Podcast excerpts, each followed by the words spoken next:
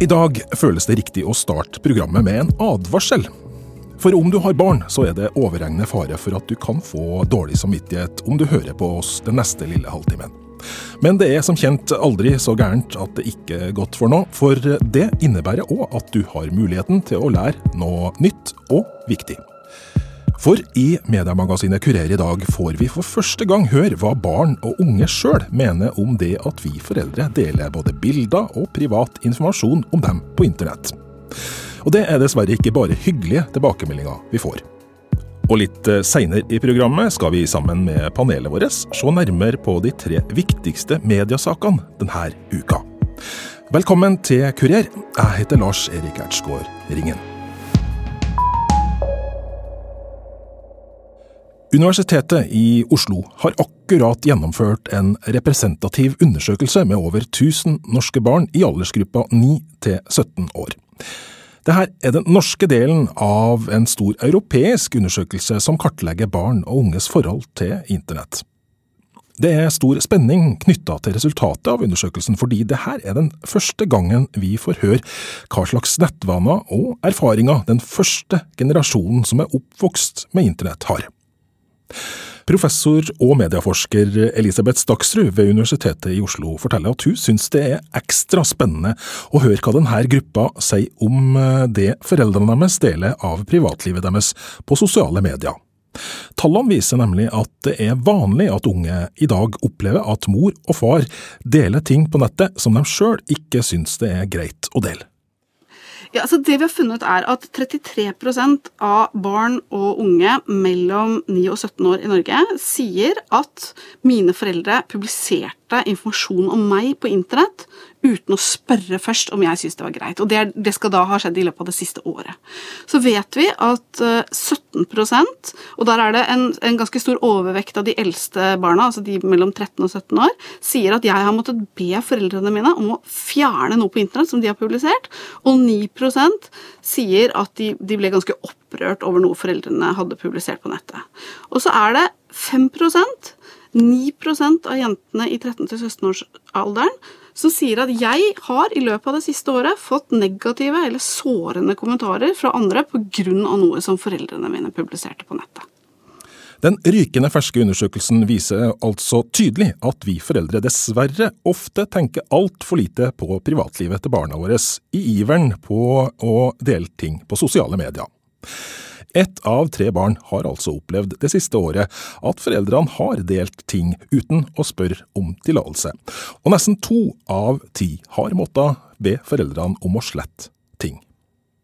Her mistenker medieforsker Kristin Staksrud at det finnes mørketall, for barn er jo ofte lojale mot foreldrene, og det kan være vanskelig om å be om å få sletta ting det som på en måte er den positive, er jo de som sier at eh, jeg har faktisk gått til foreldrene mine og, og sagt at uh, vær så snill å ta dette vekk. Um, vi vet jo ikke om det er veldig mange barn uh, som har lyst til å si det til foreldrene sine, men som ikke gjør det av ulike grunner. Så det kan jo hende at det er mange som på en måte tenker at åh, dette skulle jeg ønske ikke hadde skjedd, men som på en måte ikke tar den praten med foreldrene. Eh, den gruppen som vi kanskje er eh, Jeg vet ikke om jeg er overrasket, men som vi skal kanskje være litt oppmerksom på, er jo de som blir opprørt, og de som får negative kommentarer fra andre pga. det foreldrene gjør på nettet. Eh, det er jo ikke morsomt eh, på en måte å få eh, slengkommentarer eller, eller, eller oppleve ubehag fra vennene dine pga. noe foreldrene dine gjør.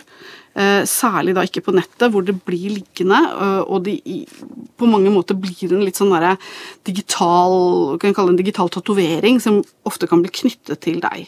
Mariann Johansen i Ålesund begynte som småbarnsmor å blogge om livet sitt for eh, rundt ti år siden. I bloggen posta hun bilder og historier fra dagliglivet sitt.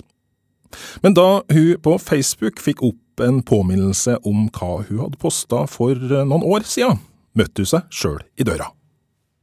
Og da kom det opp et bilde av et av barna mine som jeg reagerte veldig på og tenkte i all verden, er det jeg som har lagt ut det her? Jeg husker dagen, jeg husker situasjonen, men det sjokkerte meg veldig at jeg hadde posta det. Det som var litt spesielt for meg, det var at jeg følte, når jeg blogga veldig aktivt og, hadde denne hverdagsbloggen min, da, med hva jeg skal kalle det, eh, så syns jeg sjøl at jeg hadde så godt fokus på dette. her. Jeg syns sjøl at jeg hadde ganske trangt filter for hva jeg la ut, og spesielt på barna sine vegne. Men når jeg leste det i ettertid, når jeg har fått liksom litt avstand til det på et par år, så så jeg jo det at jeg, hadde vært veldig mye mer intim med hva ungene mine gjorde, hva de tenkte og hva de følte, og hva jeg følte overfor dem. Eh, veldig mye som var veldig fint å se tilbake igjen på, men igjen, eh, det er dette med publikum, da. At, uh, at det ligger åpent for offentligheten. Men, men, er det ikke lett å forstå at når du har blitt eh, foreldre, kanskje særlig første gangen, så, så, har du lyst til å vise og dele det med resten av verden? Jo, eh, det forstår jeg jo veldig godt. Men akkurat dette argumentet med at jeg er så stolt, eh, det ser jeg går igjen. Og det syns jeg ikke er, er, bra nok. For uansett hvor stolt du er, så er det ikke du som skal være komfortabel med hva du deler. Det er ikke ditt liv du deler av, det er det barnet som skal være komfortabel med det du deler. Og da må man på en måte klare å balansere den, eh, det formidlingsbehovet som man har. Eh, og samtidig ta hensyn til hva som er til det beste for barnet. Og det er ingen barn som har fordel av at foreldre skryter av det på, på sosiale medier. Mange av de aller mest populære bloggene og påvirkerne i Norge er foreldre som lar følgerne komme tett innpå privatlivet deres, ofte inkludert barna de har. For barnebilder er populære på nettet. Og det er fordi de ser at det selger. Hvis du ser på Instagrammen til en del av disse influenserne, så kan du se på antall liker på barnebilder eh, og på de ordinære bildene. Så har barnebilder veldig mange flere liker klikk. Og i denne økonomien betyr populære bilder mer klikk og flere følgere. Og det igjen blir mer penger. Den tidligere bloggeren, som altså innså at hun hadde gått for langt, er ærlig på at hun reagerer sterkt på at folk bruker barna sine på å tjene penger på denne måten. Først og fremst må jeg si at jeg har sett tilfeller der jeg har blitt grenseløst provosert av hva de bruker barna sine til. Vi har lover som beskytter barn fra å bli eksponert for reklamen, men vi har ingen lover som beskytter barna fra å bli brukt i reklame. Der skal man trå veldig forsiktig. Vi kjenner disse ungene ganske godt. Vi har vært med fra ultralydbildet på fødselen og dåpen og alt dette her. Og hvis de da i tillegg skal være en kommersiell aktør i foreldra sin virksomhet, da bør det slå inn en eller annen slags beskyttelse tenker jeg, fra offentligheten. For, for det er virkelig ingen som beskytter disse ungene. De har ingen lover som trer inn da, og, eh, og tar vare på dem. Det er kun opp til foreldre. Ha det, klemmeklem. Ha en fin dag. Elsker deg. Elsker deg òg. Karoline Berg Eriksen, som vi her hører fra TV 2-serien Bloggerne, er en av Norges mest populære påvirkere. Hun har i det siste sjøl sagt at hun har gjort grep i bloggen sin for å skjerme barna mer. Vi i Kurer-redaksjonen har kontakta flere påvirkere som velger å poste bilder og historier fra sine barns privatliv på sosiale medier. Ingen av dem har ønska å delta i programmet. Her i Norge blussa debatten rundt påvirkeres bruk av sine egne barn voldsomt opp etter et debattinnlegg VGs kjendisjournalist Morten Hegseth Riiber posta i slutten av september. Her starta han med å skrive, jeg siterer, Flere norske kjendiskvinner bør skjønne at barna deres ikke har den samme funksjonen som en Chanel-veske. Sitat slutt. Man begynte å profittere på egne barn eller ufødte barn. Da begynte jeg å tenke sånn har denne kommersialiseringa gått for langt? Og så skrev jeg det innlegget, da, og det viste seg at det var som å ta hull på en ballong som bare venta på å eksplodere. For gud av meg sånn respons jeg har fått. Morten Hegseth Riiber mener at kommersialiseringa av barn på sosiale medier nå har gått så langt at det må gjøres nå. Det jeg føler som må gjøres her, er jo kanskje at Forbrukertilsynet må inn i bildet. Uh, Linda Hofstad Helleland, som er barne- og likestillingsminister, har jo foreslått et eget bloggpoliti, så jeg tror at det å liksom sette barn i fokus her òg, det å ikke liksom eksponere barn like mye som seg sjøl, det å ikke kommersialisere på barn, det å ikke liksom ha økonomisk vinning på det å føde barn eller ha egne barn, det tror jeg må inn i denne plakaten eller i lovene til det bloggpolitiet som visstnok skal komme. Så jeg håper jo at det blir tatt politiske grep, og så håper jeg at bloggere og kjente folk også har en bevissthet rundt det. Skal jeg nå eksponere barna mine så mye, og skal jeg sette det inn i en kommersiell sammenheng? For jeg tror jo at hvis jeg og mange jeg kjenner hadde blitt eh, eksponert på den måten som barn, da tror jeg det hadde blitt et helvetes tenåringsopprør, i hvert fall. Og det er kanskje det positive med det, at det blir kanskje en del sinte tenåringsbarn i framtida, så det blir spennende å se det. Men hvordan skal du som har barn sjøl forholde deg til alt det her? Hva er greit, og hva er ikke greit å legge ut på nettet? Guro Skårtveit hos Datatilsynet vil gjerne hjelpe oss med å finne ut av det. Fram til nå har hovedregelen vært at det er foreldrene som bestemmer. Men de rykende ferske personvernlovene i Norge har gitt oss en ny aldersgrense. Barn over 13 år kan fra nå av avgjøre slike ting uten foreldrenes velsignelse. Ved, gjennom det, det, nye regelverket så, så, har man egentlig satt en grense på at fra du er 13 år, så kan du sjøl dele bilder av deg sjøl. Du kan gi ditt eget samtykke. Men nå er det sånn at selv om det er foreldre som, skal, som har det som vi kaller da samtykkekompetansen, det er dem som har ansvaret, de skal gi samtykke opp til du er 13 år. Det betyr ikke at man ikke skal spørre barna òg. Og det er veldig viktig å, å, ha med. Barnekonvensjonen artikkel 12 og 16 de sier at alle barn har rett til privatliv.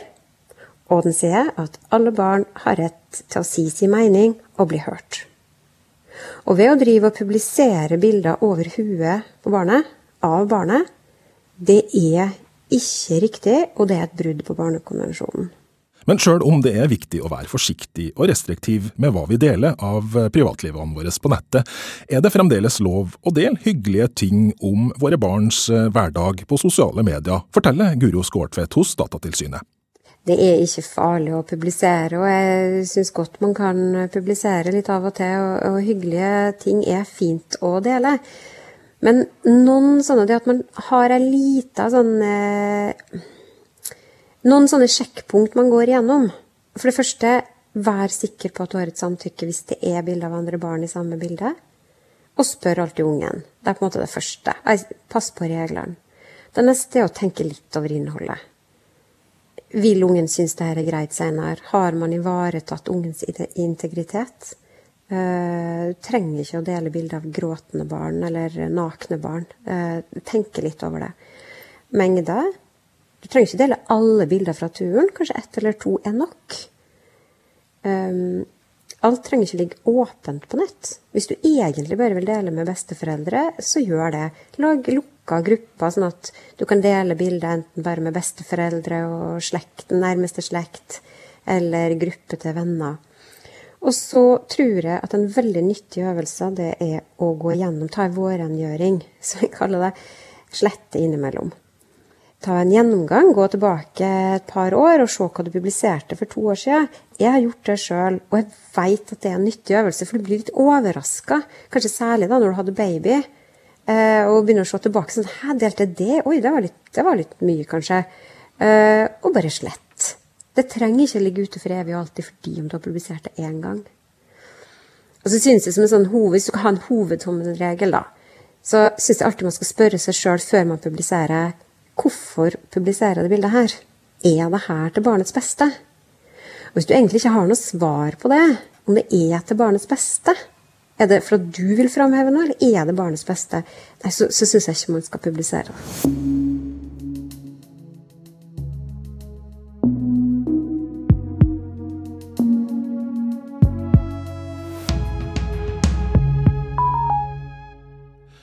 Vi nærmer oss eh, slutten for enda en nyhetsuke, og i den anledning har vi fått med oss eh, tre hyggelige gjester her i studio til Kurer, for å få hjelp til å analysere nyhetsbildet denne uka. Og jeg tror bare vi hopper rett i det. Eh, Lars Austrått, du er redaktør for Trønderbladet. Har du sjekka skattetallene til noen etter at det ble offentliggjort nå denne uka her? Du, jeg har sjekka skattetallene til kjempemange, fordi vi lager jo lister på det i avisa vår. Og så ble jeg litt nysgjerrig da, og tenkte er det noen hvem har sjekka meg? Så da logga jeg inn på ikke den presseløsningen, men den, min egen, og så der. Og det var én. Én person som hadde søkt opp meg. Og så tenkte jeg hvem er det? Det var jo litt kjent, men jeg kunne ikke helt, visste ikke helt hvem det var. Og visste at det var en journalist i Medier24. Og da var det rett inn på Medier24 og se, og da, jo da, de hadde en artikkel om eh, redaktørlønningene. Så det endte jo da med at jeg kjøpte et abonnement på Medier24 for å lese den saken om skattelistene og meg sjøl. Mm. Jeg skal ikke spørre om hva du hvor langt Jeg var langt ned på lista. Hva med deg, Jan Ivar Mini Jacobsen, du er litt skal jeg skal kalle deg småkjendis da, og, og forhenværende fotballspiller og mediemann òg. Er det mange som søker på, på deg? Du, eh, det har jeg ingen anelse. Eh, Før i tida da jeg var litt større enn en småkjendis, så, eh, så kunne jeg jo lese meg sjøl i avisa. Eh, Og det var for så vidt greit. eh, Men nå er jeg sånn at du må jo registrere deg eh, for å gå inn hvis du skal sjekke andre. Og da var jeg sånn her Nei, det blir jo for flaut hvis folk skal se at jeg har vært og sjekka hva de har. Og jeg bryr meg heller ikke om folk sjekker hva jeg har i lønn. Det går helt fint, det. Så mm. Den siste gjesten i, i panelet vårt denne uka her er Fatima Almanea fra Verdalen. Du er politiker og student og bibliotekar. Mange titler. Har du fått med deg hvem som er rikest i Verdalen? Det har jeg, men jeg har òg fått med meg hvem som er rikest i Norge, og at det stort sett ikke er damer som topper den statistikken der. Så for meg er det veldig interessant å se på disse listene ut fra det perspektivet, da, og hvor det ligger utviklinga hen. Men jeg heller driver ikke og sjekker litt sånn eh, nabokjerringa, det gjør jeg ikke, for det er som, eh, som en miniseier. Altså, det er pinlig å skal bli avslørt på det i ettertid, så det får jeg ikke meg til å gjøre, rett og slett. Men er det viktig journalistikk der? Ja, det syns jeg. For det er, det er noe med å holde kontroll, spesielt når det gjelder lederlønninger, annet. Så er det blitt problematisert litt i ettertid. Også, eh, et eksempel som ble dratt fram, er ledelser i oljesektoren, annet som får skyhøye lønninger, og som stadig eh, får en utvikling, mens lønningene nedover blir holdt tilbake. Da. Så er det litt sånn, ok, hvorfor er det sånn? Hvorfor kan enkelte tillate seg å gå opp og opp og opp i lønn, mens andre må nøye seg og være litt mer nøktern? Grunnen til at vi starta med disse spørsmålene, her, er at eh, tallene til medieovervåkningsselskapet Retriever, som vi har bedt om å overvåke de tolv største nettavisene for oss, eh, viser at det faktisk er skattetallene da, som toppa sakene over de mest populære nyhetssakene denne uka her. Men vi skal gå videre til neste tema, som er ekstra spennende for deg, Lars Østrått. For du har bodd i USA, og du har òg fulgt valg og det demokratiske systemet i USA fra innsida. Hva, hva tenker du om det valget vi har eh, lest mye om denne uka her?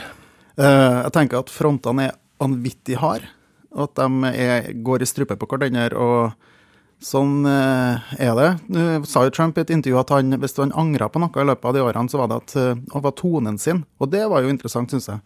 Men han, det virker ikke som det får noen praktiske konsekvenser, da, for han gikk jo rett etterpå og i strupen på en journalist på pressekonferanse der. Så han har ikke akkurat blitt mykere i tonen. Mm. Du fulgte valget i 2008.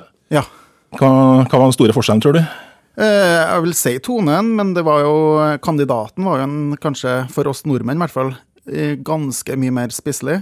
Men Mini, når du slår opp på nettavisene denne uka her, eh, går du og kikker på stoffet om valget, da, eller går du rett på Du får jo med deg selvfølgelig Trump eh, og den eh, utskjellinga av han CNN-journalisten og den biten der, da. Og eh, jeg ser jo at han er ivrig, men jeg må jo også si det.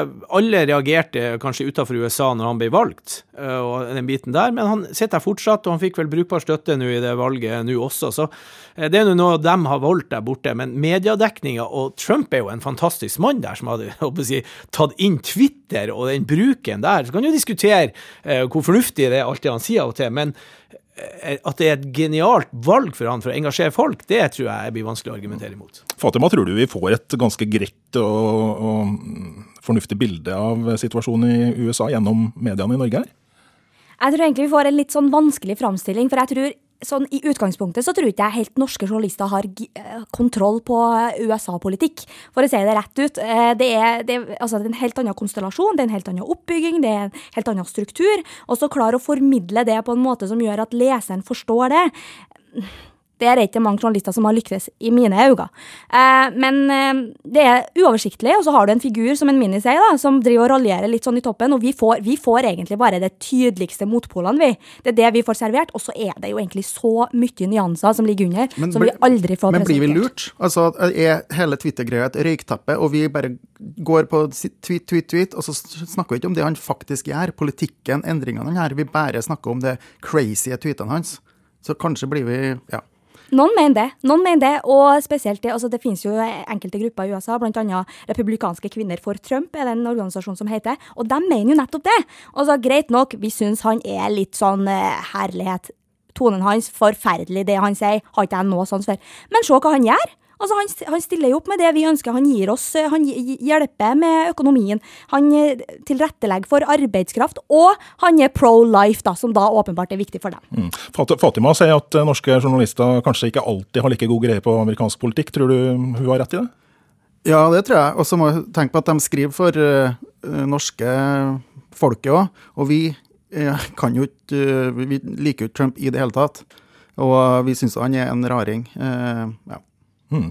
Mini, blir det for mye amerikansk politikk i norske medier, eller for lite? Nei, det blir det ikke. Det er samme som folk sier at det er for mye fotball eh, i media, og det er det heller ikke. Og det er et eh, fritt valg eh, for folk hva du ønsker å lese. Det er så lett å bare bla over når du leser Trønderbladet, og så ser jeg noe som står der som jeg ikke har lyst til å lese, så blar jeg bare videre. Så det der, eh, når folk klager på at det blir for mye av en ting, det, det er ditt valg. Veldig lite Trump i vår lokalavis. Ja. Men det handler om balanse, og det er det folk ofte reagerer på. At her må man få opp de ulike aspektene, så må man få opp en god blanding av ting. Det er det det er snakk om. Mm. Og Nå skal vi videre til den tredje mest populære nyhetssaken på de tolv største nettavisene i Norge den siste uka. og Der får vi et gjensyn med den som var på topp eh, forrige uke. Noen som kan gjette hva slags sak vi snakker om da? Det kan jo være KrF. Det kan være KrF, ja. Sist uke så starta vi panelet med å spørre deltakerne om, om de hadde fått nok av KrF-dekninga. Eh, Fatima, nå har det gått ei uke, og enda så er vi i gang. Hva tenker du? Nei, nå har jo på en måte diskusjonen kommet litt videre. Nå handler det ikke om KrFs retningsvalg lenger, nå handler det om KrFs forhandlinger for å komme i en regjering, så det vil jo være litt sånn annet. Eh, men den diskusjonen har nok kommet veldig skjevt ut, spesielt hvis man skal se det med KrF-øyne. Eh, det er det nok, eh, har man, har man ønska å legge et premiss og få opp en, det de trodde da, kunne være en saklig diskusjon, eller en diskusjon på deres premisser, og så har det på en måte bare blitt en ball som ruller og ruller og ruller, og lever, en sak som lever sitt eget liv. Mm, men det har ikke bare handla om regjeringskabalen, det handla om bråket internt i partiet denne uka her òg? Det har det, og med rette. Altså, du har jo et, et 50% av partiet som er totalt uenig i det resten gjør, og som åpenbart har et behov for å markere det. Mm. Men hvor mye har det vært om det her i Trønderbladet? Eh, ganske lite, det, det må jeg innrømme det. Vi har jo ja, ikke skrevet så mye om, eh, om det. Nei. Nå er det jo ei uke da, til vi skal samles et nytt panel eh, i studio her i Kurer. Tror du vi havner at vi får KrF på topplista over de tre mest diskuterte sakene da Fatima? Altså, det er jo ingenting som tyder på at vi ikke kommer til å snakke om KrF framover. Så jeg tør ikke å gamble på noe annet, i hvert fall. Hva du tenker du, Mini? Er det her viktig journalistikk? Nei, ikke i det hele tatt. Nei! Det handler jo om hvem som skal bli regjeringa i Norge. Jo da, jeg, jeg, skjønner jo det at det diskuteres og at det følges med, selvfølgelig. Jeg gjør jo det. Eh, men eh, jeg syns det er ja, litt snodig at det der KrF skal ha så mye skal vi si, oppmerksomhet og ha en så viktig rolle. Det syns jeg er litt spesielt. Da er jeg redd for at vi må sette punktum for denne gangen. I studio så har vi hatt med oss Mini Jacobsen, eks-fotballspiller og eks-mediemann òg, egentlig. Vi har hatt med oss Lars Østerått, som er redaktør i Trønderbladet. Og vi har også hatt med oss Fatima Almanea, som er student, Ap-politiker og masse andre ting. Jeg heter Lars-Erik Ertsgaard Ringen, og produsent for denne sendinga, det var Randi Lillealteren.